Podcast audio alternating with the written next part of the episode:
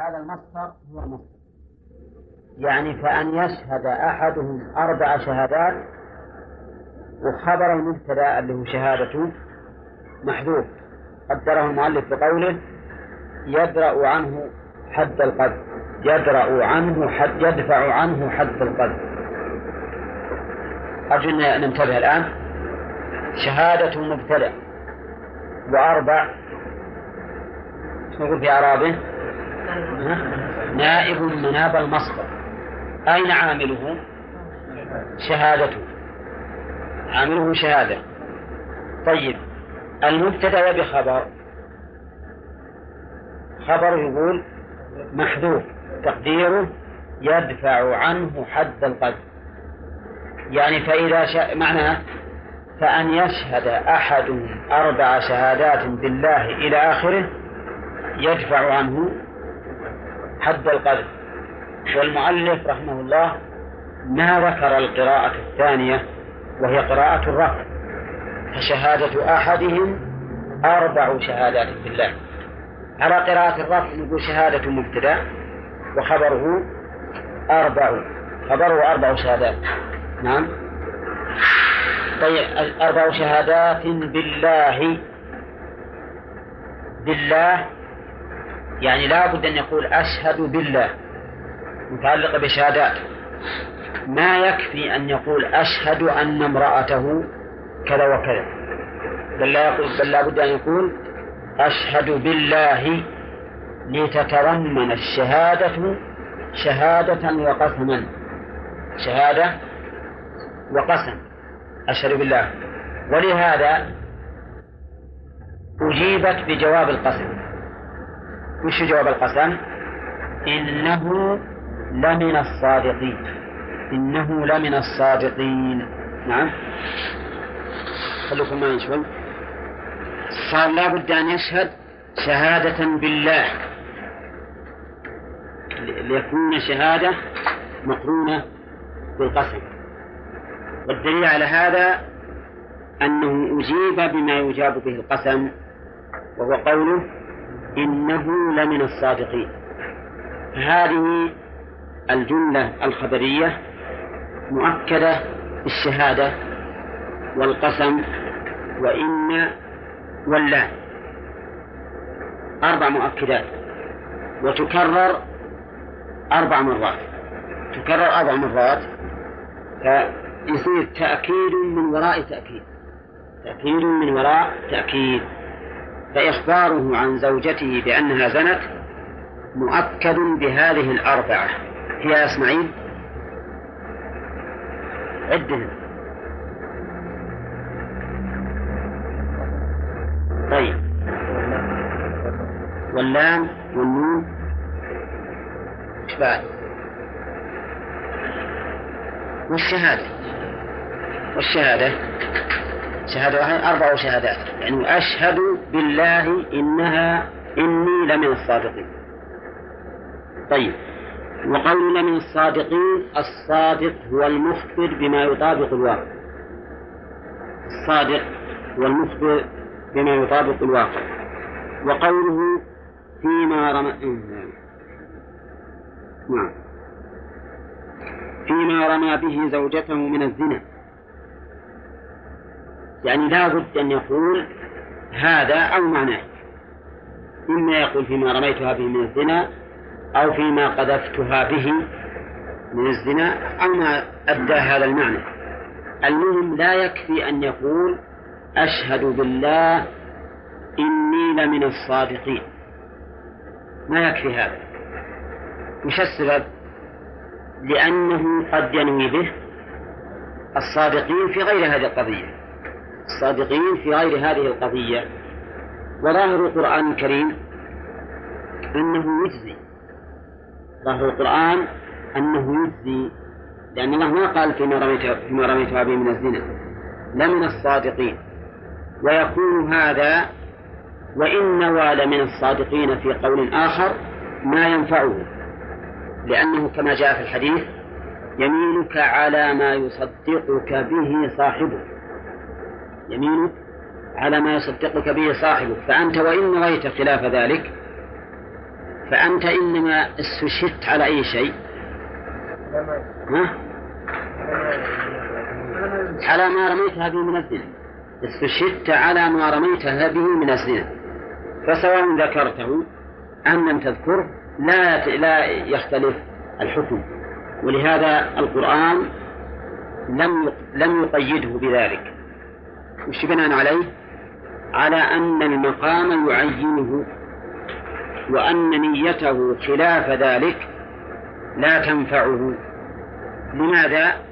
لأن اليمين على ما يصدقك به صاحبك يعني خصمك على ما يصدقك به صاحبك نعم إي نعم لكن لو أنه لو أنه قال ذلك أو هي طلبت ذلك مثلا أو الحاكم طلب منه ذلك فإنه أولى. أولى لأجل أن يطمئن الإنسان أكثر. بالطمأنينة يعني لو طلب القاضي منه ذلك القاضي مثل خاض إنه يتأول وإن كان تأوله لا ينفعه فإنه إذا أمره يجيبه على هذا الشيء. إذا أمره أن يقول ذلك يجيبه. نعم. ها؟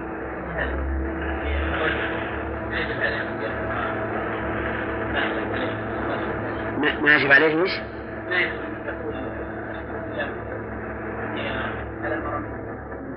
لا ما يجب على ما رميت به من ما يجب لأنه ليس موجودا في الآية. لكن المقام يعينه. المقام يعينه. طيب فيه لو قال أشهد بالله إني لصادق.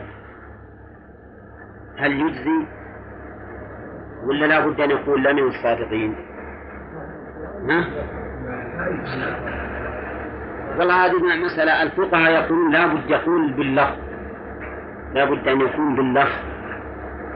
وفي نفس من ذلك شيء لأن هذه ليست ألفاظ ذكر يتعبد الإنسان بها. إنما هي ألفاظ يقصد بها إثبات ما شهد به. إثبات ما شهد به. ولا شك أن الأولى والأحرى والأبرأ أن يقول ذلك بلفظ القرآن. أن يقول ذلك بلفظ القرآن. لكن لو قال إني لصادق فالظاهر أنه يجزي. الظاهر أنه يجزي لأن لأن المقصود بقوله إنه لمن الصادقين المقصود إثبات الصدق أو الشهادة بالله على صدقه. قال ويدرأ يدفع عنها العذاب. شوف الآن. الرجل إذا قذف زوجته بالزنا وأتى بشهود. أتى بشهود أربعة يشهدون بأن هذه المرأة زنت ورأوا ذكر الزاني في فرجها يحتاج لعان ولا ما يحتاج؟ ها؟ لا يحتاج. لا؟ لأن الله إنما ذكر هذا في من لم يكن له شاهد إلا نفسه. لا نفسه. ثانيا إذا شهد على ما رماها به أربع شهادات وأقرت بذلك. انتهى الأمر أيضا. إذا أقرت بذلك انتهى الأمر.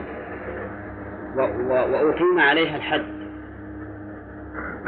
إذا لم تقر بذلك إذا لم تقر بذلك فإنها حينئذ تلاعن تلاعن كذا طيب إذا سكتت لا أنكرت ولا أثبتت. لا أنكرت ولا أثبتت. فما الحكم؟ منظر ما يستفاد من الآية ويدرأ عنها العذاب أن تشهد. ها؟ إيه أحسنت طيب. والخامسة والخامسة أن لعنة الله عليه والخامسة يعني وشهادته الخامسة أن لعنة الله عليه أنا عندي مشكولة النص ها؟ إيه هذا الوجه الذي مشى عليه المؤلف معكم من حشر الجمل ها؟ مين معك؟ ها؟ إيه لازم خلي واحد من الخميس. مشغولة ها؟ الخامسة بالرفع حاشي لا أربعة نصف هذا قراءة ثانية غير مشهور غلب المصحف لا في ذلك في ذلك مشهور إيه طيب خبر قوله وخبر وشهادة أحدهم أما قوله والخامسة معطوف على المبتدا والخبر المحذوف خبر خبر عن المعطوف والمعطوف عليه. وقوله أن أن لعنة الله عليه أن لعنة الله مع كل بدل من الخامسة أو على تقديم حرف الجر أي بأن لعنة أي بأن لعنة. انتهى. شيخنا. وقوله فهو معطوف على المبتدأ غير متعين بل يصح رفعه بالابتداء وأن لعنة الله خبر. والجملة معتبرة بين المبتدأ وخبر محمود. قوله تدفع عنه حد القذف هذا المقدر قبل قبل. قبل قبل الكلام. قبل قول نسمع الوصف. إيه طيب عند قول تعالى شهادات قوله نصب على المصدر أي الاصطلاحي المحمود وهو كل من انتصب على المفعولية المطلقة. فإنه يسمى عند النفاة مصدرا وإن كان غير مصدر بمعنى اللفظ الدال على الحدث وحده وما هنا بعث للمصدر المحذوف تقديره شهادة أربع شهادة. تقديره شهادة أربع شهادة أربع شهادة أربع تقديره شهادة أربع هذا وقرئت السبعة أيضا أربع بالرفع الخبرية. ولا حذف في الكلام وقوله والخامسة أن لعنة الله إلى آخره بالرفع لا غير باتفاق السبعة. وقوله أن تشهد أربع شهادات بالنصب. بس بس إذا من طيب الخامسة أن لعنة الله عليه إن كان من الكاذبين. الخامسة مبتدأ وأن لعنة الله خبره تويه مصدر.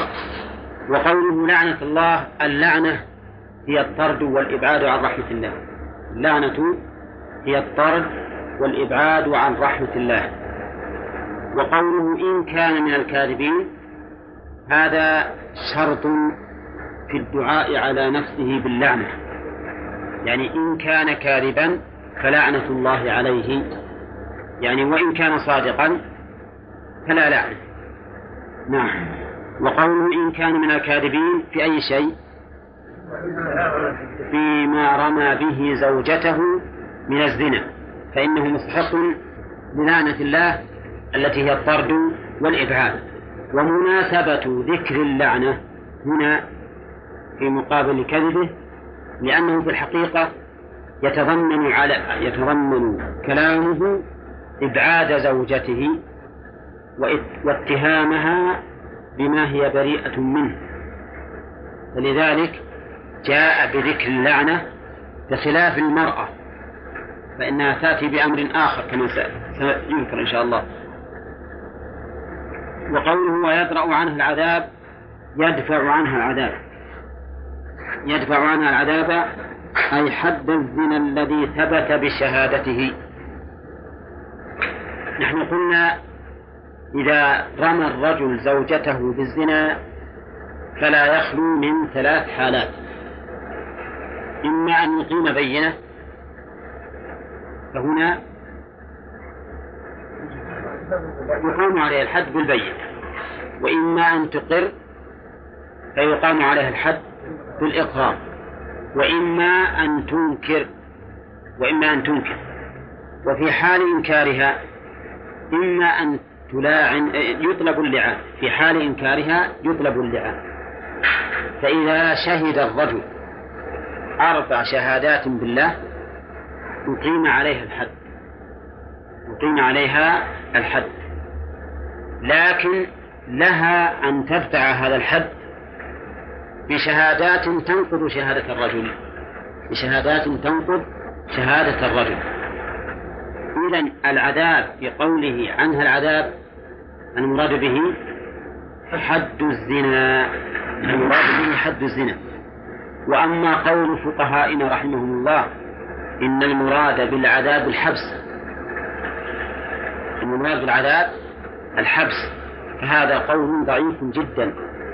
لأنه لا ذكر للحبس في الآية بل إن الآية صريحة في أن الذي يندفع هو العذاب والعذاب هو الحد حد القذف.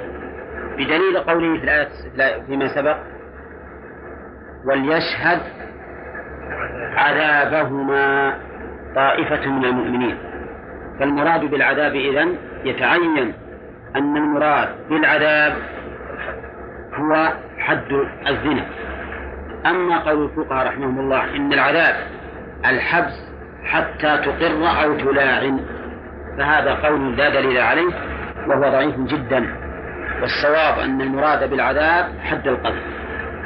إذا إذا أنكرت المرأة وش نعمل نقول للرجل اشهد على ما قلت أربع شهادات بالله إنك لمن الصادقين والخامسة أن لعنة الله عليك إن كنت من الكاذبين فإذا شهد وش يثبت؟ ثبت عليها الحد حد الزنا. الرجم إن كانت محسنة والجلد مع التغريب إن كانت غير محسنة. ليش؟ طيب يمكن يعقد عليها ولا يجامعها. نعم. فتكون غير محسنة. طيب آه، وبعدين آه، لها بعد أن ثبت الحد عليها بشهادة الزوج لها أن تسقط الحد هذا شبه بشهادات تقابل شهادات الزوج. ولهذا يقول الله عز وجل ويدرأ عنها العذاب أن تشهد. أي شهادتها. أربع شهادات بالله إنه لمن الكاذبين. فيما رماها به من الزنا. تسجن. تسجن حتى تقر أو تلاعب طيب نعم. إيه لكن ما لا ما يخلون تلاعب يقول إنه تبع اذا إذا شهد إذا شهد عليها فإن لاعنت قبلنا منه. وإن أبت ما نقيم عليها حتى الزنا. نحبسها حتى تقر بالزنا أو تلاعن. أما الآية فتدل على أنه إذا إذا إذا أبت إذا لم تلاعن يقام عليها الحد مباشرة. طيب. ويقول أن تشهد أربع شهادات من الله إنه لمن الكاذبين فيما رماها به من الزنا. ها؟ مقابل قوله إنه لمن الصادقين فيما رماها به من الزنا. والخامسة يعني وتشهد الخامسة أن غضب الله عليها إن كان من الصادقين في ذلك. الخامسة أن غضب الله عليها إن كان من الصادقين. في مقابل أن لعنة الله عليه إن كان من الكاذبين. لكن لماذا عبر بالغضب لماذا اختير لها الغضب دون اللعنة لسببين. لأن الغضب أشد من اللعنة الغضب والعياذ بالله أن الله يغضب عليها يلزم منه اللعنة وزيادة. بخلاف اللعنة فهي طرد وإبعاد عن الرحمة لكن هذا طرد وإبعاد مع غضب مع غضب. فهو أشد وإنما اختير لها ذلك يعني الغضب مع مع أنه أشد من اللعنة لسببين. السبب الأول أن رمي الزوج إياها بالزنا أقرب إلى الصدق من إنكارها. أولى رمي الزوج إياها بالزنا أقرب إلى الصدق من إنكارها. لأنه يبعد أن الزوج يرمي زوجته بالزنا. بعيد جدا إلا إذا تيقن ذلك. لكن إنكارها هي أمر متوقع لأنها تدرأ عن نفسها عار الفاحشة وكذلك عن أهلها. مثل ما قالت المرأة لا أفضح قومي سائر اليوم. فعلى كل حال نقول الغضب أشد من اللعنة. واختير للمرأة لأن رمي الزوج إياها بالزنا أقرب إلى الصدق والواقع من من من إنكارها. فكان إنكارها أعظم لذلك رتب عليه إن كان صادقا أن يغضب الله عليها الوجه الثاني أنها تقول أن غضب الله عليها إن كان من الصادقين. إن كان من الصادقين. وإذا كان من الصادقين فهمتم؟ فقد أنكرته هي وحادت عن الحق مع علمها به. إذا قالت غضب الله عليها إن كان من الصادقين. وصار صادقا صارت معناه أنها خالفت الحق بعد؟ مع علمها به. لأن الفرض أنه صادق. ولا صار صادق وهي تنكر. والفعل مفعول به هي وهي تقول لا مو صحيح وهو صادق في أنه صحيح وش يناسبها؟ صارت عالمة الحق فأنكرت ومن علم الحق ورده فجزاء أشد لكن جزاؤه الغضب ولهذا غير المغضوب عليهم من هم المغضوب عليهم؟ الذين علموا الحق فأنكروه مثل اليهود. والضالون الذين لم لم يقولوا بالحق لجهلهم به. فالحاصل يا جماعة الآن أنه اختير لها الغضب وهو أشد من اللعنة بأمرين. الأول أن شهادة الزوج عليها بالزنا أقرب من إنكارها إياه. ليش؟ لاستبعاد أن يرمي الزوج زوجته بالزنا وهي حليلته. ولقرب أن المرأة تنكر دفعا للعار عنها وعن أهلها. الوجه الثاني أنه إذا كان صادقا والمرأة تنكره صارت ترد الحق بعد مع علمها به. ومن رد الحق مع علمه به فجزاؤه الغضب. كما في اليهود الذين ردوا الحق مع علمهم بهم مع علمهم به فجوزوا بالغضب طيب أن غضب الله عليها إن كان من الصادقين. نعم. أنه هو يستطيع أن إي نعم لكن لكن مو مطلقة. مو مطلقة. ولا يطلقها. لو كان يريد الطلاق ما يحتاج إنه يجي يرميها كان طلقها وانتهى الموضوع وش الزيادة؟ نعم كيف الزيادة؟ أصلا ما يمكن يقدم الإنسان على رمي زوجته بالزنا من مجرد تهمة أبدا. أبدا ما يمكن. إلا شيء شافه ما يمكن نصبر عليه. لأن هذا عار عظيم على الظلم ولهذا كما سيأتينا إن شاء الله في حديث الإفك ما يمكن أن الإنسان العفيف في الغالب أن الله يبتليه بامرأة تزني الخبيثات للخبيثين والخبيثون للخبيثات. فلهذا هو نفسه يجد من العار أن يشهر عند الناس أن امرأة زانية لكن هي تجد من نفسها أن من العار أن تقر على نفسها. شو بالزنا فهي تحاول أن تنكر طيب أن غضب الله عليها. لو قالت يكفى يكفى لكن مو نعم. ما يخالف لأنه ربما أنه هي ربما أنها هي تقر ويثبت عليها حد الزنا وحينئذ يتخلص. بدون طلاق. خلص حتى على ترى أنت لا تقول ود إذا صار وده من؟ من يرده فهو طلق. وجود طلقة وإن كان ما زنى. وجود طلقة نعم. ها؟ لا إذا إذا إيه. ما يصير عليها مثلا تبعه من هذا الولد أصل هذا الولد يجب إذا حصل هذا الشيء منها يجب عليه أن يستبرئه بحيضة. فإن قدر أن أتت الولد يعني لما استبرأها ما حاضت حملت فالولد له لأن النبي عليه الصلاة والسلام يقول الولد للفراش ولا العهد الحسب حتى لو قدر لو فرضنا أنه حسب تقدير الله من هذا الزاني فهو ولد الرجل يعني ولد من فراش إذا لا عن في الولد انتهى الموضوع. فالموجود له اللعان لنفي الولد فيه خلاف. المذهب ما يجوز للاعن لنفي الولد. لازم يقذف أولا بالزنا ثم يلاعن وينفي الولد. والصحيح أنه يجوز أن يلاعن لنفي الولد فقط. بأن يقول أنا ما أقول زنت لكن هذا الولد ليس مني وألاعن على ذلك. وأقول ويقول في اللعان أشهد بالله ويشرب عمضات إنه لمن الصادقين في أن الولد ليس له. نعم؟ وأن لعنة الله عليه إن كان من الكاذبين.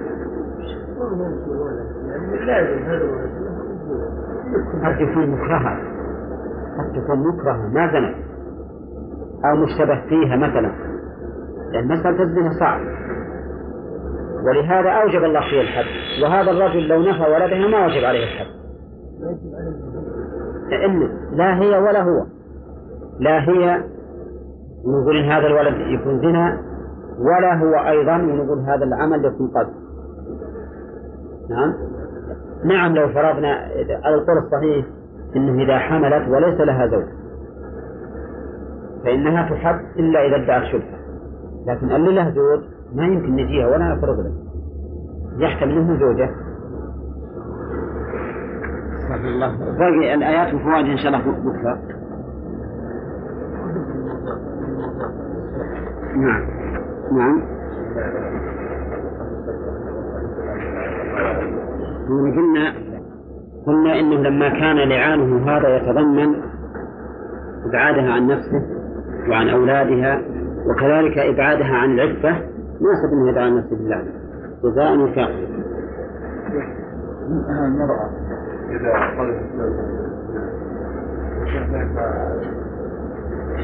أو مرأة هذه إن شاء الله تأتينا بالفوائد. بكرة إن شاء الله. ها؟ لا. 45 دقيقة ثلاث ساعات. لا لا ما عندي. لازم عشر في البيت. هذه واحدة. والشيء الثاني أن مو مو محدد 45 لأنه كله حواشي. حصل حواشي وتأخر شوي. نعم.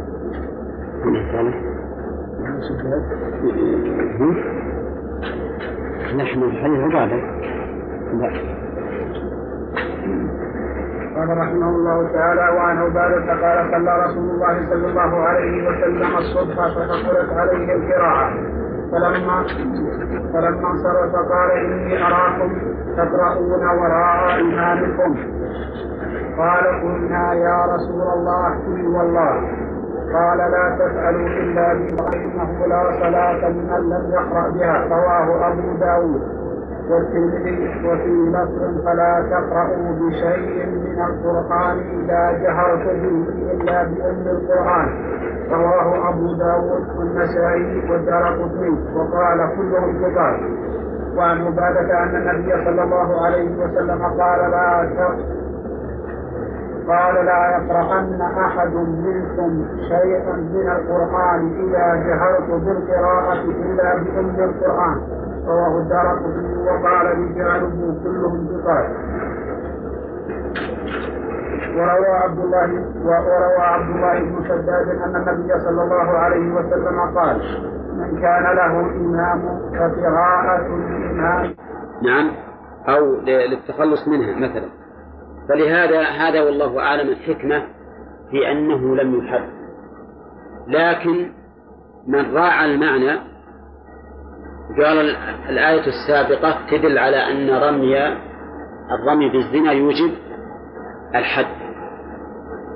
وهذه الآية تدل على أن رمي المرأة بالزنا يوجب اللعان. فتبقى الآية هناك بالنسبة للأجنبي على عمومها وهذه بالنسبة للزوجة على خصوصها. لكن السنة الحقيقة هي هي الفاصلة.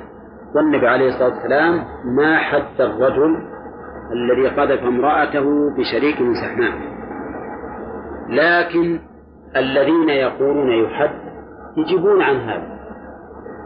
يقولون من قال إن شريك بن سحماء طالب بحقه. وحد القذف لا يجب إلا بالمطالبة. لا يجب إلا بالمطالبة. لكننا نقول ردا على هذا مسألة كون حد القذف لا يجب إلا بالمطالبة محل نظر. لأن عموم الآية والذين يرمون المحصنات ثم ماتوا بأربعة شهداء لا تقيد ذلك بالمطالبة. وكون هذا حقا خاصا للمقذوف محل أيضا نظر وغير مسلم ممنوع لأن تدنيس أعراض المسلمين ليس ليس حقا شخصيا في الواقع. يتعلق بإيش؟ يتعلق بعموم المجتمع الإسلامي بعموم المجتمع الإسلامي وإفساد له ولهذا أنا أميل إلى أن حد القذف يجب وإن لم يطالب يطالب به المخلوق المهم أن يثبت المهم أن يثبت. حتى لو أن المخلوق متى صار ما في خير ولا يريد أن يدافع عن عن عرضه وسكت ما نقول نقول المسلمون هم الذين يدافعون عن عرضك ويقام الحد عليه طيب. و وفي هذا أيضا في الآية إثبات الأسباب. إثبات الأسباب والموانع. إثبات الأسباب والموانع من قوله ولولا فضل الله عليكم ورحمته. فإن هذه الآية فيها مانع وفيها سبب. فالسبب آه نعم. السبب ذنوبنا مثلا وما نحن عليه من الأخطاء والمانع الذي يمنع من العقوبة هو فضل الله ورحمته. فضل الله ورحمته. إثبات التواب اسما من أسماء الله. لقوله وأن الله تواب. وإثبات الحكيم اسما من أسمائه و والحكيم كما أشرنا إليه أولا يتضمن معنى الحكم والحكمة والحكم كوني وشرعي والحكمة في الإيجاد والصورة بعد؟ والغاية.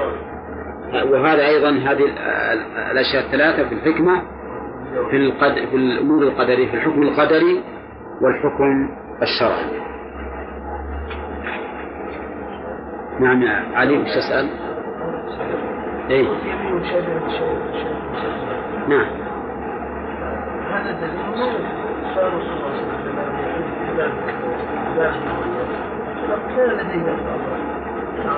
لا أبدا أبدا الرسول صلى الله عليه وسلم. وما تبين الأمر ورجحان قول الزوج إلا بعد الوضع. إلا بعد الوضع. كيف نبي نبي نحيل الحكم على أمر ما تبين من قبل؟ ثم لو فرض أن فيه أمارات وقرائن. ما اللهم إلا أن الأمارات في الحقيقة والقرائن آه، قد تؤدي إلى إلى كون المخلوق ليس محصنا. إلى كون المخلوق ليس محصنا فلا يجب الحد بقذفه وإنما يجب التعزيز لأن قذف غير المحصن يوجب التعزيز على كل حال هذه الأمارات ما ظهرت إلا بعد. ما ظهر ما ظهرت إلا بعد إلا بعد.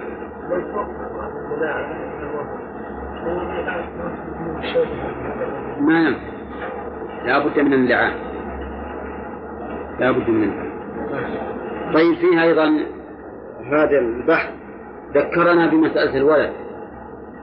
هل ينتفي الولد عن الزوج باللعان ولا ما ينتفي؟ ها؟ نعم إن, إن, إن نفاه في لعانه انتفى. وإلا فهو ولده. وإلا فهو ولده.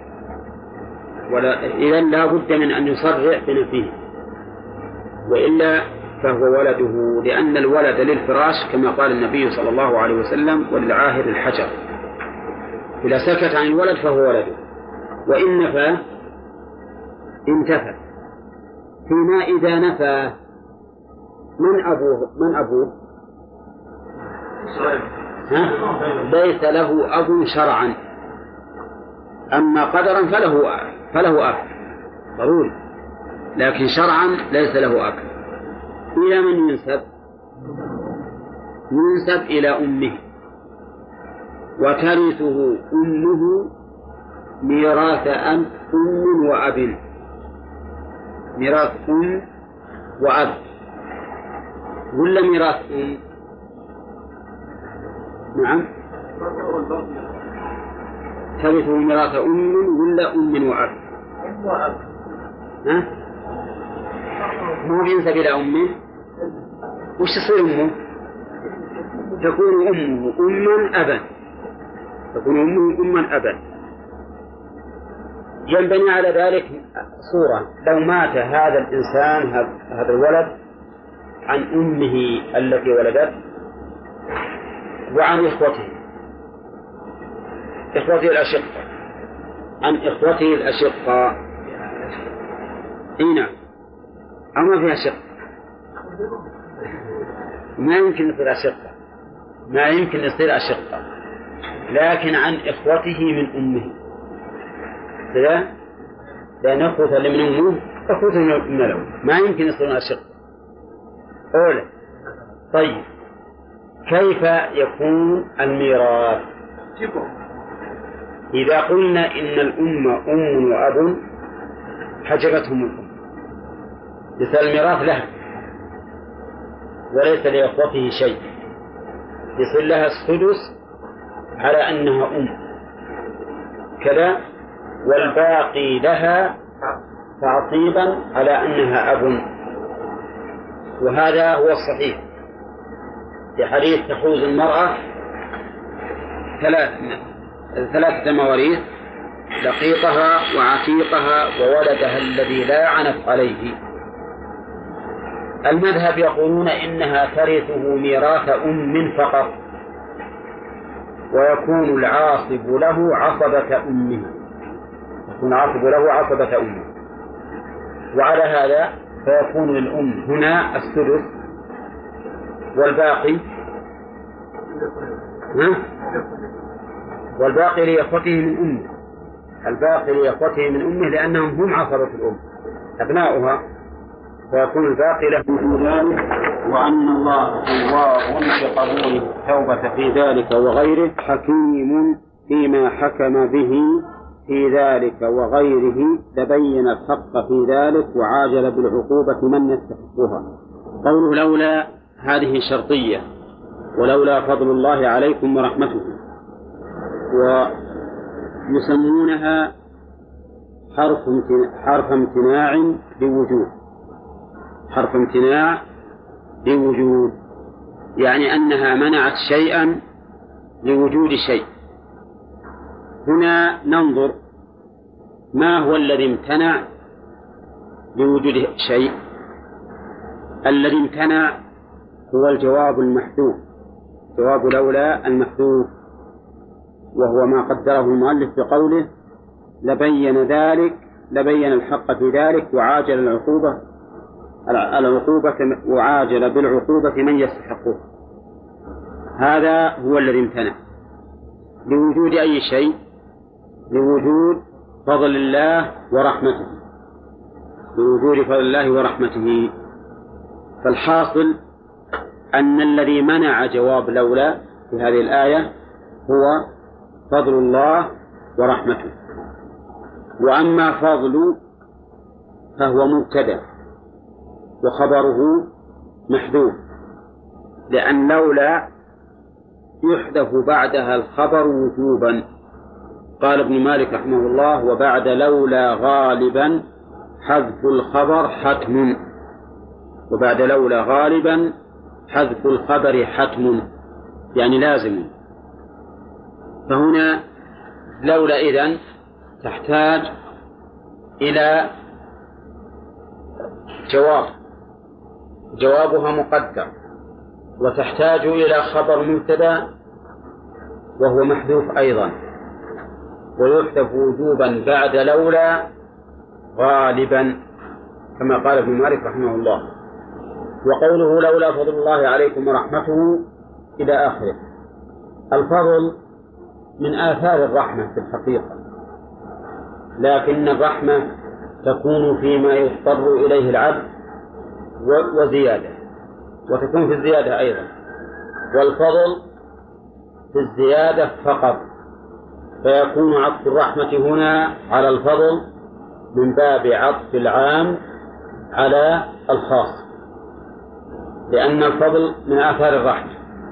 لكنه أخص منها حيث إنه زائد على ما يحتاج إليه العبد ويضطر إليه. وأما الرحمة فتكون فيما يحتاج إليه العبد وفيما زاد على ذلك. وقوله ويقول المؤلف الستر في ذلك. هذا بناء على خصوص الآية في المتلاعنين. والصواب أن الآية عامة. يعني لولا فضل الله عليكم ورحمته في هذا وغيره. مو بس بالستر. لحصل لكم ما لم يحصل لكم الآن.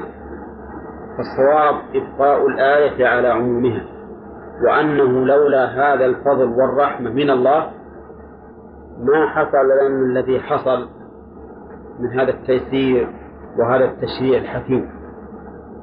وقوله وأن الله معطوف على فضل على فضل يعني ولولا أيضا أن الله تواب حكيم. تواب سبق لنا أن التواب كثير التوبة وأن توبة الله على عباده تنقسم إلى قسمين. أحدهما التوفيق للتوبة والثاني إيش؟ قبول التوبة. والثاني قبول التوبة. ومنه قوله تعالى ثم تاب عليهم ليتوبوا. إن الله هو التواب الرحيم. وتطلق التوبة من العبد إلى الله. وهي من العبد إلى الله الرجوع من معصيته إلى طاعته. فالعبد تواب والله تواب. لكن فرق بين تواب التي يوصف بها الله وتواب الذي يوصف بها العبد.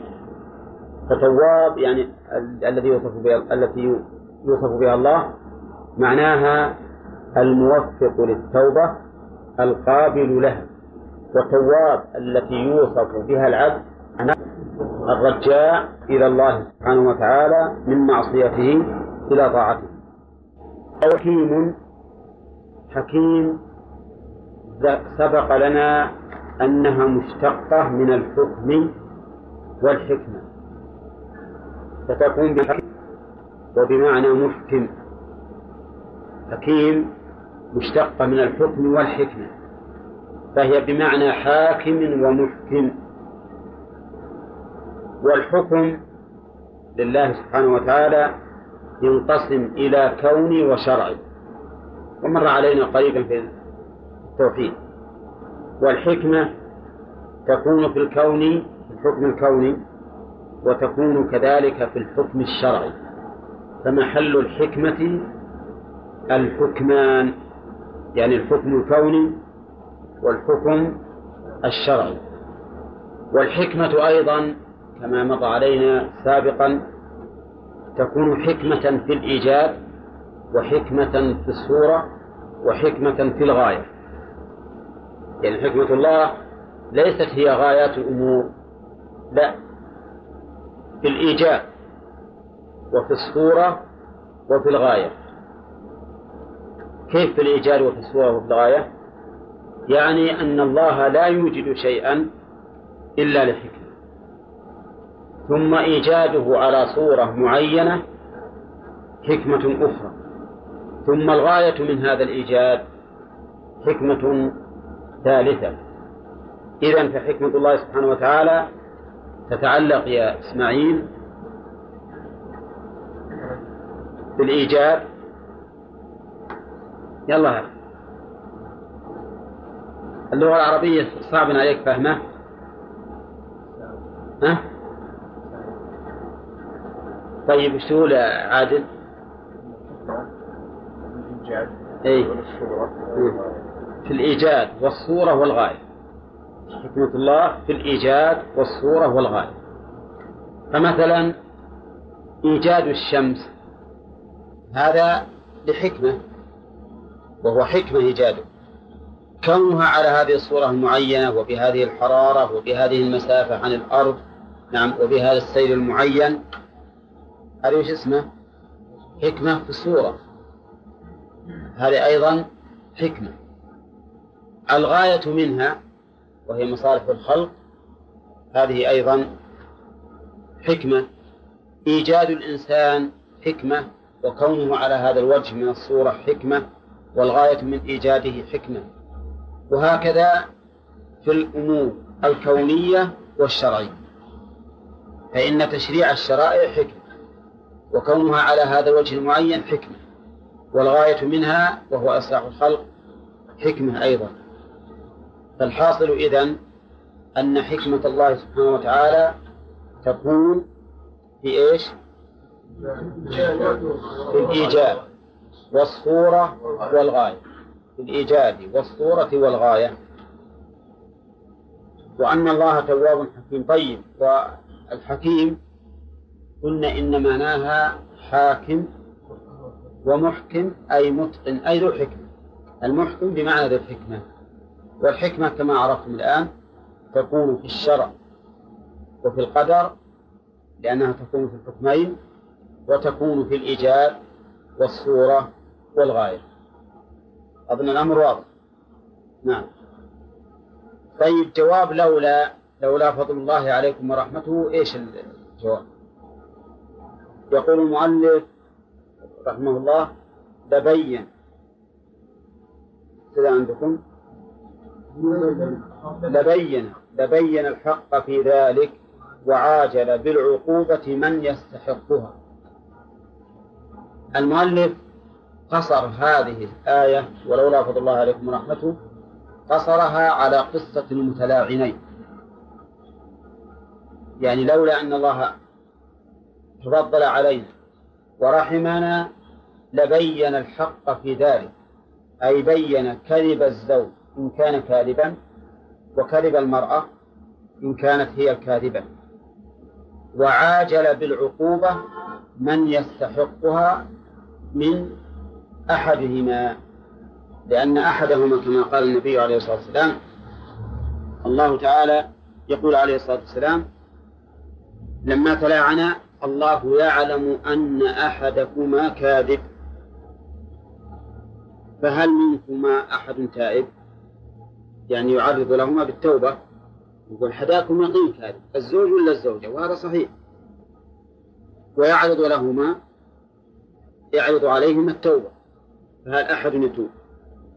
فالمؤلف رحمه الله يرى أن هذه الآية خاصة بقصة المتلاعنين والصواب أنها عامة فيها وفي غيرها. لماذا؟ لأن الله لم يقيدها. قال لولا فضل الله عليكم ولا قال في ذلك. ثم العبرة بعموم بعموم اللفظ لا بخصوص السبب. وإذا يكون الجواب المقدر غير ما قدره الشارح آه، آه، المفسر. يكون ولولا فضل الله عليكم ورحمته ما حصل لكم هذه المصالح وانتفت عنكم تلك المفاسد.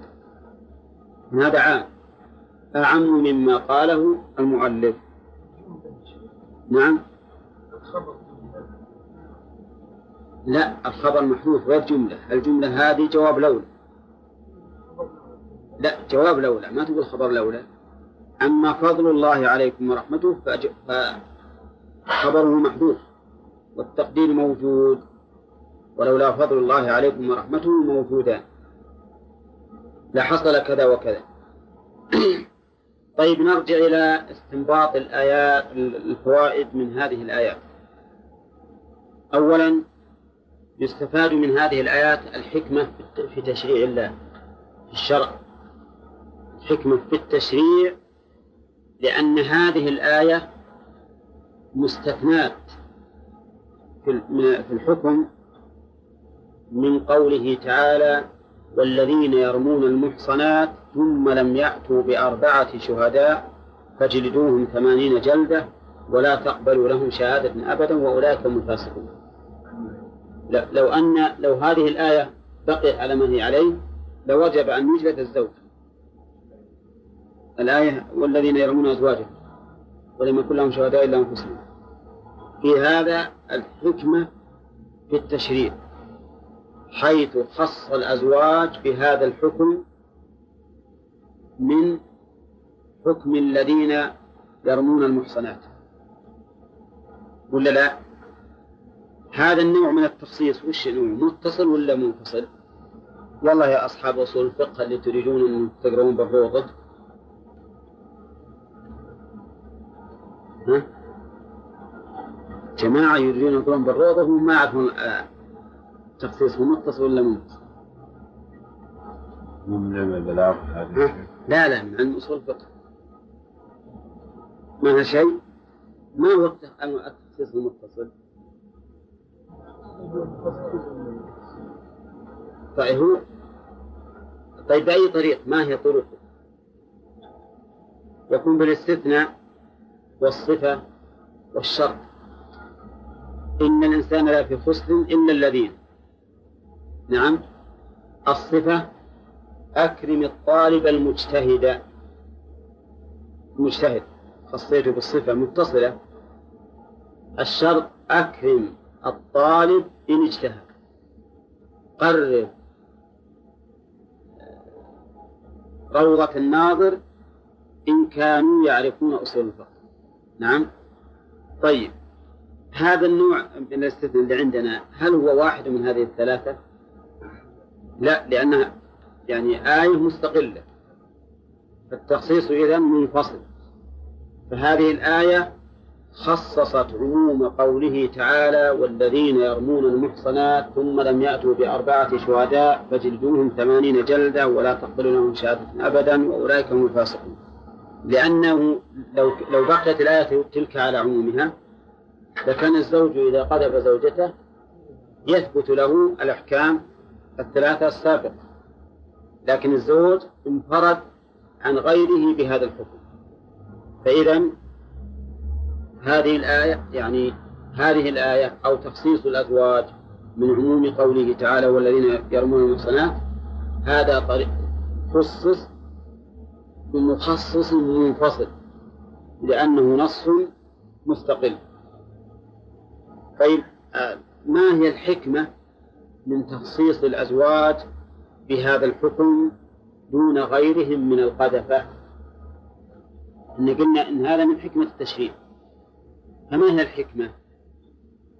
الحكمة لأن الزوج لا يمكن أن يقذف زوجته بالزنا إلا والأمر كما قال ليش؟ لأن زنا زوجته عار عليه لأنها هي حرثه فإذا قذفها بالزنا أصبح الأمر شديدا وعظيما إذ أن هذا يوجب التشكك في أولاده عند الناس ويوجب العار عليه حيث يقال هذا الرجل ديوث كان يقر الفاحشة في أهله. لأن النفوس قد تقول ليش؟ يعني ما مو هذه أول مرة يعثر وهو بعاث إلا بالمرة الثانية والثالثة وما أشبه ذلك. إذ أن الزنا عادة ما يأتي علنا يأتي سرا والسر ما يظهر في أول مرة. فلهذا لما كان لما كان زنا الزوجة عارا على الزوج صار لا يمكن أن يقذف زوجته بالزنا إلا والأمر كما ذكر. ولهذا خص من بين سائر القاذفين بهذا الحكم. إنه يعتبر. قذفه هو يعتبر رميا ولا شهادة؟ يعتبر شهادة. طيب. الفائدة الرابعة أن أنه لا يصح اللعان إذا قذف أجنبية ثم تزوجها. يعني لو قذف امرأة أجنبية ثم تزوجها فلا لعان. مين يؤخذ؟ من قوله يرمون أزواجهم. فلو قذف امرأة أجنبية ثم تزوجها فلا لعان بينهما وإنما يحد للقذف. ثاني خامسا عموم الآية أزواجهم. أي نعم. وفوق زوجة الله. عموم الآية أزواجهم. يشمل ما قبل الدخول وبعد الدخول. فلو عقد على امرأة ثم رماها بالزنا أجري, بي أجري بينهم اللعان. لأنها مش لأنها زوجته. لأنها زوجته. آه، تعداد الفوائد ما إحنا بعدين لأن أنسى. طيب فيها أيضا أن رمي غير الزوجة ولو الأم أو البنت أو الأخت ممن يلحقهم عاره ليس كقذف الزوجة بمعنى أن الرجل لو قذف أقرب الناس إليه بالزنا طبق عليه إيش؟ أحكام القاذفين الثلاثة السابقة. بخلاف الزوج ووجه ذلك ما سبق من الإشارة إلى الحكمة. طيب ومن الفوائد أيضا أن البدل يجعل له حكم المبدل. حكم المبدل منه فلما كان لما كانت البينة على الزنا أربعة شهور. وكان الزوج إذا قذف زوجته بالزنا شاهدا يعتبر شاهدا. والتعدد الشخصي في حقه ممتنع. أولا.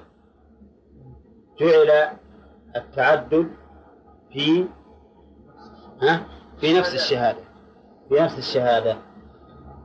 ويكون هذا تقريرا للقاعدة المشهورة المعروفة أن البدل له حكم المبدل منه.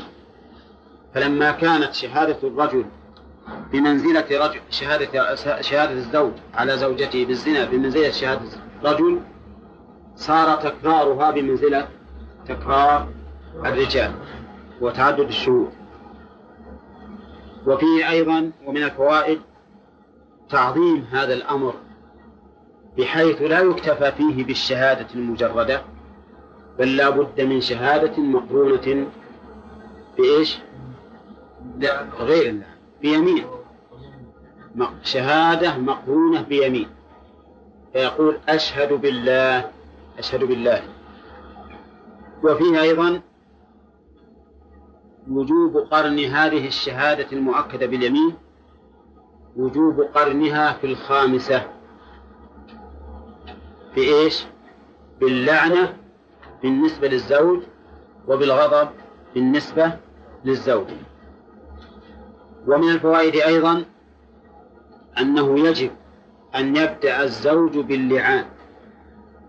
يجب أن يبدأ الزوج باللعان وش الدليل؟ فشهادة أحدهم ثم قال ويدرأ عنها العذاب أن تشهد. ولا يتم العذاب عليها إلا إذا شهد إلا إذا شهد الزوج. مفهوم؟ هذا من جهة الدليل. من جهة النظر أن الزوج مدع في الحقيقة. وأيهما يبدأ به؟ المدعي ولا المنكر الذي يطلب منه إثبات الدعوة المدعي هو الذي قال هات بينك إذا لم يوجد بينه رجعنا إلى المنكر إلى المدعى عليه. فعلى كل حال فيه من الفوائد أنه يجب البداءة شروط بشهادات الزوج. الدليل من الآية أنه قال لما قال شهادة أحدهم قال ولا يدرأ عنه العذاب ولا يتم العذاب إلا بشهادة الزوج. هذا من جهة الأثر والدليل. من جهة النظر أن الزوج بمنزلة المدعي والمدعي هو الذي يطلب منه أولا إثبات ما ادعى. وفيه أيضا من فوائدها أنه لا بد أن يؤكد الشهادة بإن واللام. مع اليمين السابقة لقوله إنه لمن الصادقين. إنه لمن الصادقين. فلو قال أشهد بالله آه، بأني صادق فإنه لا لا بد أن يأتي بالله لأن اللام تفيد زيادة تأكيد وتقوية فلا بد من الإتيان بها. وفيه دليل على جواز الدعاء معلقا بالشرط. وين هو؟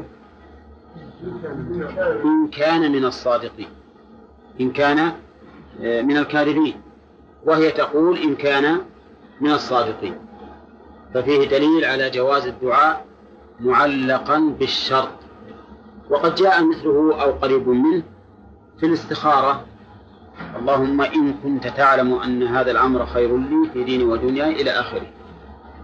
وكما جاءت وكما جاء الشرط مفيدا في دعاء الخالق جاء مفيدا أيضا في تشريع في الشرع يعني في الأحكام الشرعية. مثل ما قال النبي صلى الله عليه وسلم لضباعة بنت الزبير لما قالت يا رسول الله إني أريد الحج وأجدني شاكيا. قال حجي واشترطي. أن محلي حيث حبستني فإن لك على ربك ما استثنيت. وكما يجوز الشرط في دعاء المسألة يجوز الشرط أيضا في دعاء العبادة. كما في حديث ضباعة بنت الزبير. وهذا يشهد لرؤيا قصصتها عليكم رآها شيخ الإسلام ابن تيمية يقول إنه رأى النبي عليه الصلاة والسلام وكان يشكل عليه جنائز تقدم إليه ويشكل عليه أنهم مسلمون. فرأى النبي صلى الله عليه وسلم ذات ليلة فسأله عن أشياء من جملتها عن الرجل يقدم إلى الإمام ليصلي عليه وهو يشك في إسلامه. فقال له النبي صلى الله عليه وسلم عليك بالشرط يا أحمد. عليك بالشرط يا أحمد. وشلون الشرط؟ مثل اللهم إن كان مؤمنا فاغفر له وارحمه. لأن هذا حقيقة. أحيانا يشكل الإنسان في إسلام الجنازة المقدمة. فيقول اللهم إن كان مؤمنا فاغفر له وارحمه. وهذا جائز. هذا جائز وشاهده هذه الآية وحديث الاستخارة هذا في دعاء المسألة وفي دعاء العبادة. مش الدليل؟ حديث طباعة بنت الزبير. حجي واشترطي فإن لك على ربك ما استثنيت. طيب وفيه دليل على ثبوت الحد على المرأة بلعان الزوج. إلا إذا أنكرت ولا عنت ثبوت المرأة آه، ثبوت الحد على المرأة بلعان الزوج أولا هل يؤخذ من الآية ولا ما يؤخذ؟ ثبوت الحد على المرأة بلعان الزوج من يؤخذ؟ ويدرأ عنه العذاب والعذاب هو الحد والدليل على أن العذاب هو الحد قوله تعالى وليشهد عذابهما طائفة من المؤمنين. وليشهد عذابهما طائفة من المؤمنين.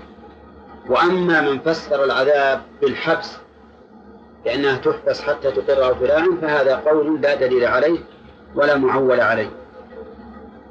طيب.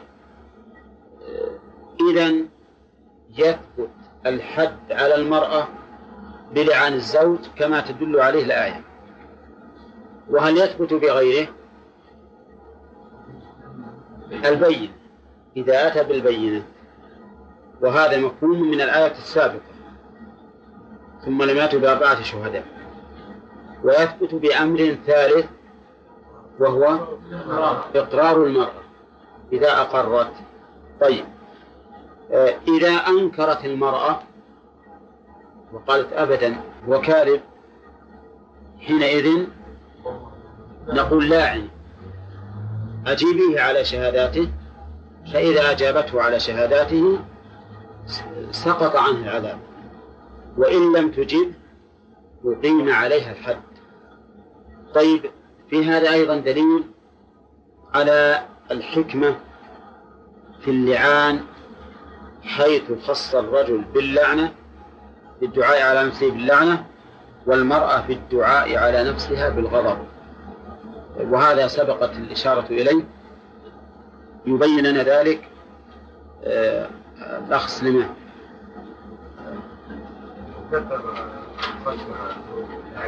إي نعم. إي نعم. ها؟ إي نعم. يعني يكون الزوج يلعن نفسه إن كذب لأن في في اتهامه إياها اتهامه إياها بالزنا إبعادا لها عن العفه وعن نفسه وأولاده فناسب إنه يدعو على نفسه باللعن الذي هو الطرد والإبعاد. وبالنسبة لها بالنسبة لها قال غضب الله عليها لأن لأنها عنها الحق نعم لأنه إذا كان كاذب إذا نعم. إذا كان صادق فقد علمت الحق وأنكرته وهذا شأنه الغضب أو عقوبته الغضب. كل من علم الحق ورده فإنه يعاقب بالغضب. طيب هذا واحد. الثاني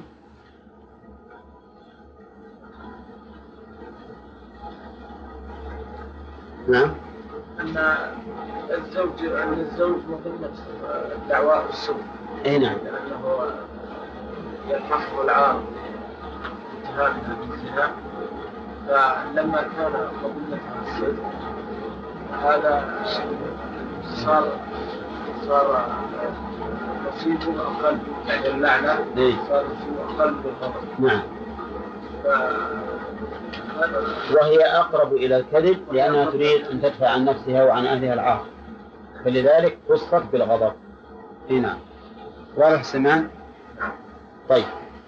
إذا يؤخذ من هذا الحكمة في المغايرة بين الزوج والزوجة فيما يلعن أحد فيما يدعو أحدهما به على نفسه. فالمرأة في اللعنة المرأة في الغضب والزوج في اللعنة. ما رأيكم لو أنه عكس؟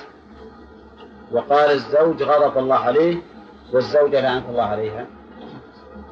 يصح ولا ما يصح؟ ما يصح. لا يصح نعم. حتى قال العلماء لو أبدل الغضب بالسخط لو أبدلت هي الغضب بالسخط أو أبدل اللعنة بالطرد والإبعاد عن رحمة الله فإنه لا يصح. اتباعا لللفظ اتباعا لللفظ. وهذا الحقيقة محل نظر. محل نظر. لأنه خصوصا الطرد والإبعاد السخط قد يكون بينه وبين الغضب فرق. لكن لكن الطرد والإبعاد عن رحمة الله هو معنى اللعن. إلا أننا مع ذلك نقول لا ينبغي العدول عما جاءت عما جاء به القرآن. إنه يقول للزوج قل لعنة الله عليه وللزوجة غضب الله عليه. طيب هل يشترط أن يقول فيما رميتها به من الزنا وتقول هي فيما رماني به من الزنا أو لا يشترط؟ ظاهر القرآن لا يشترط. ظاهر القرآن وكذلك ظاهر السنة. حينما لاعن النبي صلى الله عليه وسلم بين هلال آه، بن أمية وزوجته.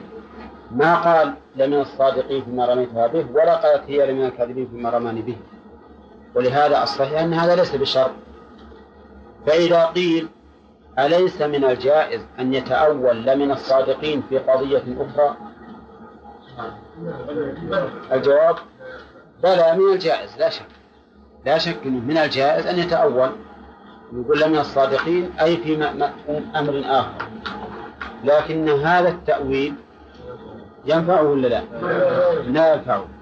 لأن تأويل الظالم لا ينفعه فإن يمينه على ما يصدقه به صاحبه وعلى ما يقضيه المقام. نعم. ولكن لو ذكر فيما رميتها به من الزنا وقالت هي فيما رماني به من الزنا لكان هذا أبين وأوضح إلا أنه ليس بواجب. غير الظالم. نعم.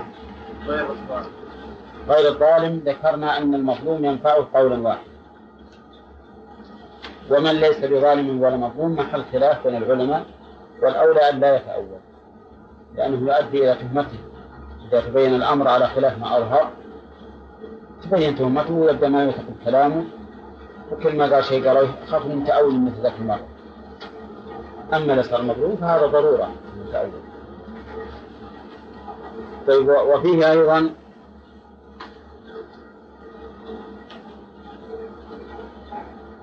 بيان فضل بيان فضل الله ورحمته على عباده بالشرع والقدر لقوله ولولا فضل الله عليكم ورحمته. فإن هذا يتعلق بالشرع وبالقدر. خليكم معي. أما بالشرع فهو لولا أن الله تفضل علينا ورحمنا وشرع للأزواج ما شرع من اللعان لكان الزوج يقع في حرج عظيم. خليكم معي يقع في حرج عظيم. لأنه إن تكلم وش يعمل به؟ يقام عليه. يقام عليه حد القتل. وإن سكت سكت على أمر عظيم. لكن من رحمة الله أن الله شرع اللعان وهذا فضل ورحمة في الشرع.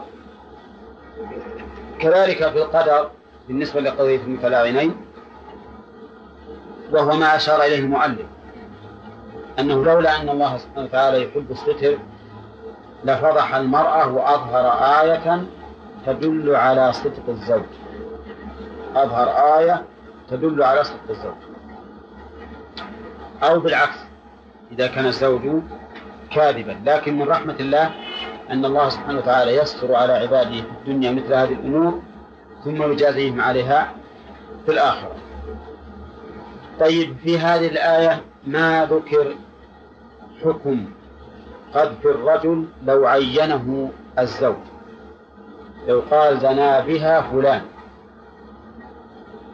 فهل يحد لقذف فلان لأنه ليس زوجة؟ طبعا. عين ها؟ أو نقول إن اللعان لأن الزنا هنا واحد. الزنا واحد.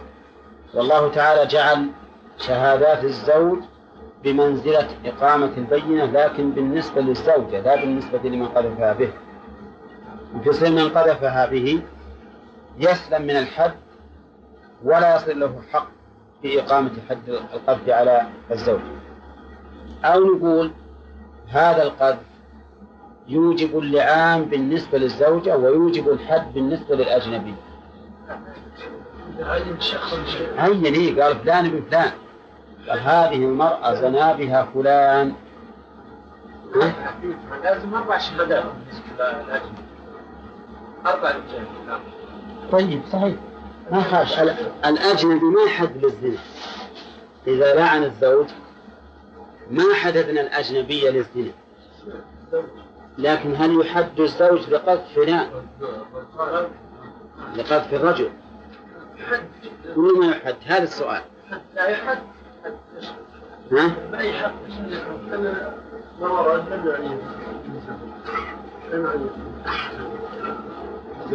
لا لا لا. بس قد تكون للبين يذكره للبين. إذا أراد أن بالبين على كل حال الحديث أن هلال بن أمية قذف امرأته بشريك بن سحمان. بشريك بن سحمان. فعين عين الرجل الذي زنى به ولم يحده النبي صلى الله عليه وسلم حد القتل.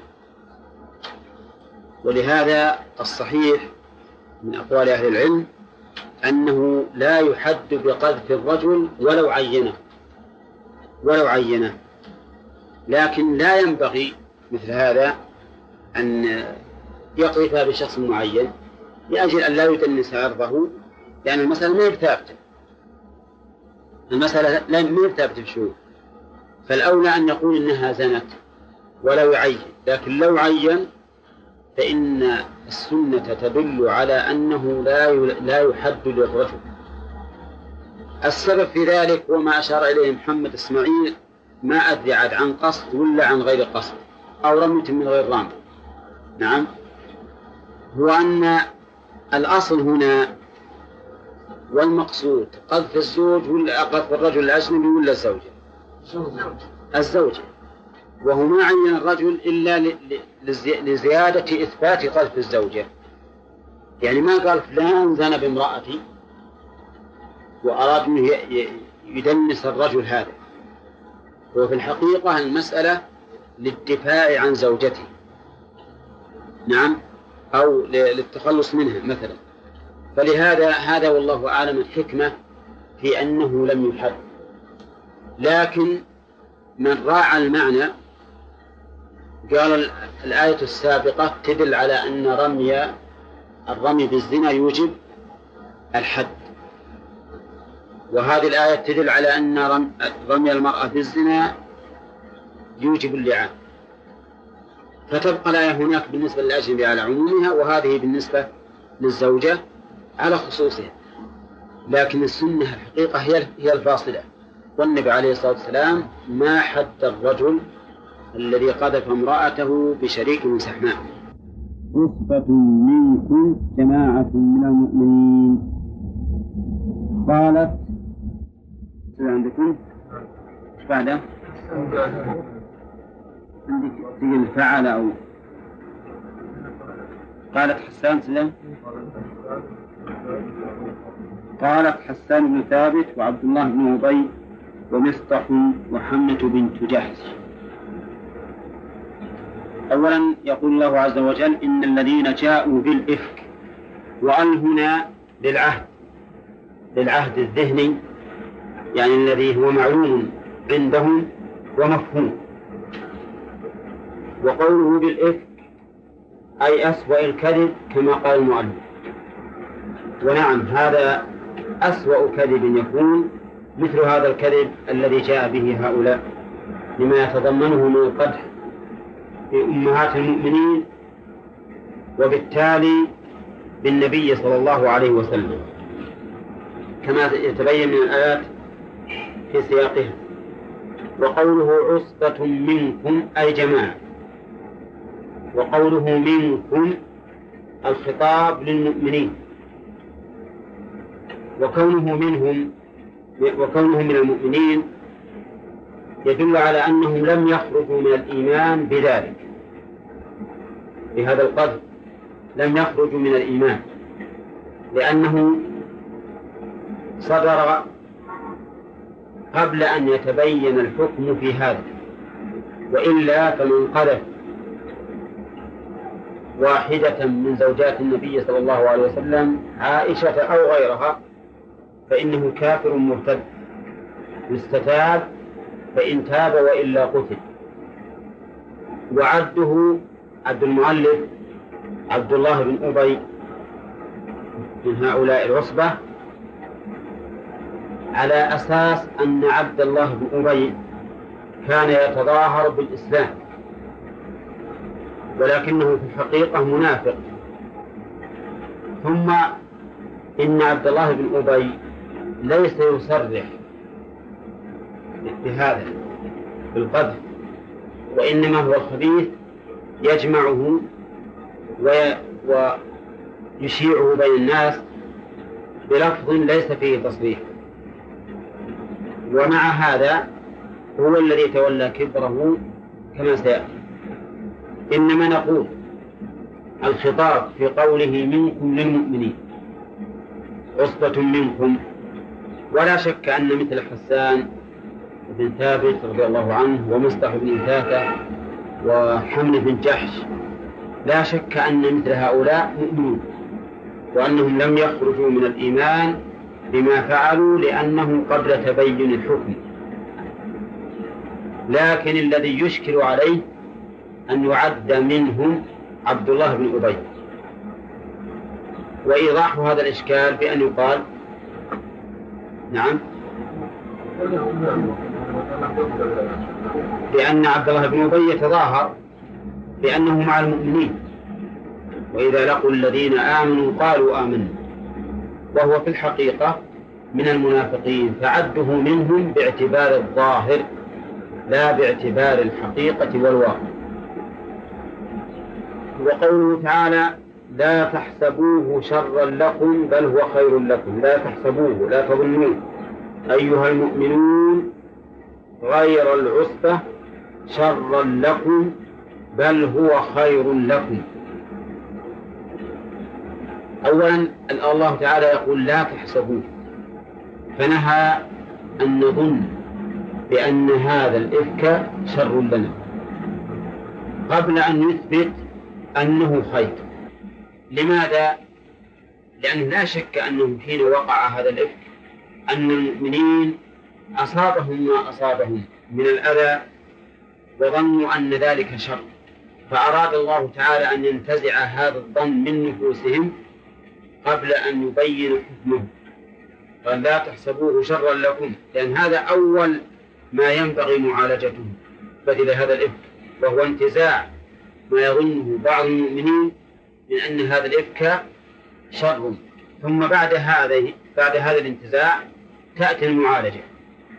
يقولون إن التخلية قبل التحلية تخلية قبل التحلية.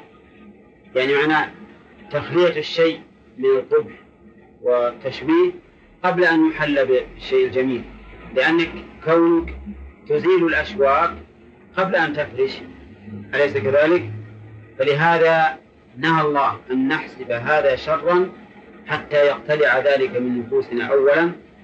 ثم تكون مستعدة للتحلية ولإثبات ما يثبت ويتحدث عنه في شأن هذا الإثم تبين بهذا أنه ينبغي عند معالجة الأشياء أن نزيل أولا الأذى لنفتح الطريق أمام الخير حتى يلج. لا تحسبوه شرا لكم. وفيها أيضا أن نقول ينبغي أن يبدأ بأهم شيء. وأهم شيء في هذا الأمر أن يزال ما في النفوس من ظن أن يكون هذا الإفك شرا بالنبي صلى الله عليه وسلم وبآل أبي بكر وبالمؤمنين عموما. لأن حقيقة الأمر لو لو لو وقع هذا وحاشا لله أن يقع لكان هذا شرا بالنسبة لآل أبي بكر. وبالنسبة لنبي الله صلى الله عليه وسلم. ولهذا ما يمكن للمؤمنين حقا أن يظنوا هذا الظن. وأجلاء المؤمنين من الصحابة أنكروا ذلك. وقالوا لا يمكن أن يكون. وممن أنكره أسامة بن زيد رضي الله عنه. وغيره أنكروا هذا أن يكون. ولكن بعض الناس لكثرة الترويج والإشاعات والشيطان أيضا مما ينفث في قلوبهم. حصل منهم بعض الشك. والصحابة المؤمنون انقسموا في هذا إلى ثلاثة أقسام. قسم حصل منه ما حصل من الانحراف في هذا الأمر وقسم منهم أنكر ذلك إنكارا بالغا. وقال هذا لا يمكن. والقسم الثالث توقف. توقف وشك في الأمر. نعم. لكن الأجلاء من الصحابة والمعظم منهم أنكروا ذلك كما ذكره أهل العلم. لا تحسبوه شرا لكم بل هو خير لكم. أولا كيف لا نحسبه شرا؟ نحن نؤمن بذلك لأن الله قال لا تحسبوه شرا. وإن كان الإنسان قد يظن بادئ ذي بدء بأنه بأنه بأنه شر. وهذا شيء معروف. إن واحد يقذفك يقذف أهلك أمر ما تظن وتعرف أن هذا شر موجه إليك. هذا أمر مسلم به. فلما قال الله لا تحسبوه شرا لكم انتهت المشكلة هذه وقضي عليها بنهي الله عز وجل العليم بما سيكون. لأنه ليس بشر. بقي أن قال بل هو خير لكم. نحن نؤمن بهذا أيضا وأنه خير. خير لنا. لكن ما هو الخير الذي ظهر في هذا الإفك؟ نقول الخير الذي ظهر في هذا الإفك خير ليس له نظير. حيث ظهرت براءة أم المؤمنين عائشة رضي الله عنها ونزاهته ظهورا لا لا يعادله شيء. شهد الله لها بالبراءة من فوق عرشه تبارك وتعالى. ثانيا ظهر بذلك نقاء وطهر فراش النبي صلى الله عليه وسلم وأنه لا يمكن لفراش النبي صلى الله عليه وسلم أن يتدنس بهذا. ثالثا من الخير الأجر العظيم الذي ترتب على ما أصاب المؤمنين في هذه الحادثة من الأذى والمشقة والجهد الجهيد حتى إنه من حكمة الله عز وجل. أن الوحي انقطع شهرا شهرا كاملا. ما نزل على النبي صلى الله عليه وسلم وحي لأجل أن يتمحص المؤمن من المنافق. ولأجل أن يشتد اشتياق المؤمنين. إلى بيان الله سبحانه وتعالى في هذه القضية العظيمة الهامة. ولأجل أن يزداد أجرهم بهذه في هذه المدة. ثم إن فيها أيضا من الخير رفعة شأن النبي صلى الله عليه وسلم وهذا فوق قولنا نزاهة فراشه وطهارته رفعة شأنه. وكون الله سبحانه وتعالى بنفسه يدافع عنه. ثم فيه أيضا من الخير تأديب المؤمنين وعظتهم بما ينبغي أن يكونوا عليه من عدم إطلاق القول والتجرؤ على أعراض الأعفاء إلى غير ذلك مما سيتبين إن شاء الله في أثناء هذه القصة العظيمة. قال تعالى بل هو خير لكم يأجركم الله تعالى به ويظهر الله براءة عائشة رضي الله عنها ومن جاء معها منه. كذا عندكم. ومن جاء ومن جاء معها منه وهو صفوان فإنها قالت كنت إلى آخره.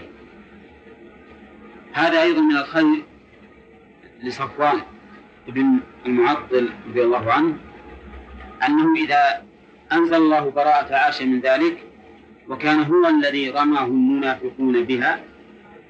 وشفر من ذلك براءة صفوان رضي الله عنه.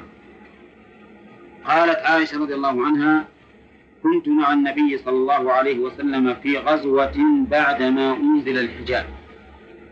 وهذه الغزوة تسمى غزوة المريسيع وغزوة بني عبد المطلب بني المصطلق بني المصطلق. ولم يبين المؤلف متى كانت هذه الغزوة. لكنه يتبين لنا متى كانت. متى؟ بعد ما أنزل الحجاب. الحجاب متى نزل؟ سنة ست من الهجرة. الحجاب نزل سنة ست من الهجرة. وعلى هذا فتكون هذه الغزوة في السنة السادسة في آخرها أو في السابعة. نعم. وأما قول بعض المؤرخين إنها في الخامسة أو في الرابعة فهذا وهم. هذا وهم منهم. والصحيح أنها كانت في السادسة في آخرها لأنها صرحت بأنها بعدما أنزلت الحجاب. والنبي عليه الصلاة والسلام أيضا استشار زينب في شأنها. وزينب نزلت آية الحجاب عند زواج النبي صلى الله عليه وسلم بها. فإذا هي في غزوة غزوة مريسية وهي غزوة بين المصطلق وكانت في السنة السادسة في آخرها تقول رضي الله عنها ففرغ منها إيش؟ ورجع في غزوة بعدما أنزل الحجاب. ففرغ منه. ورجع ودنا من المدينة و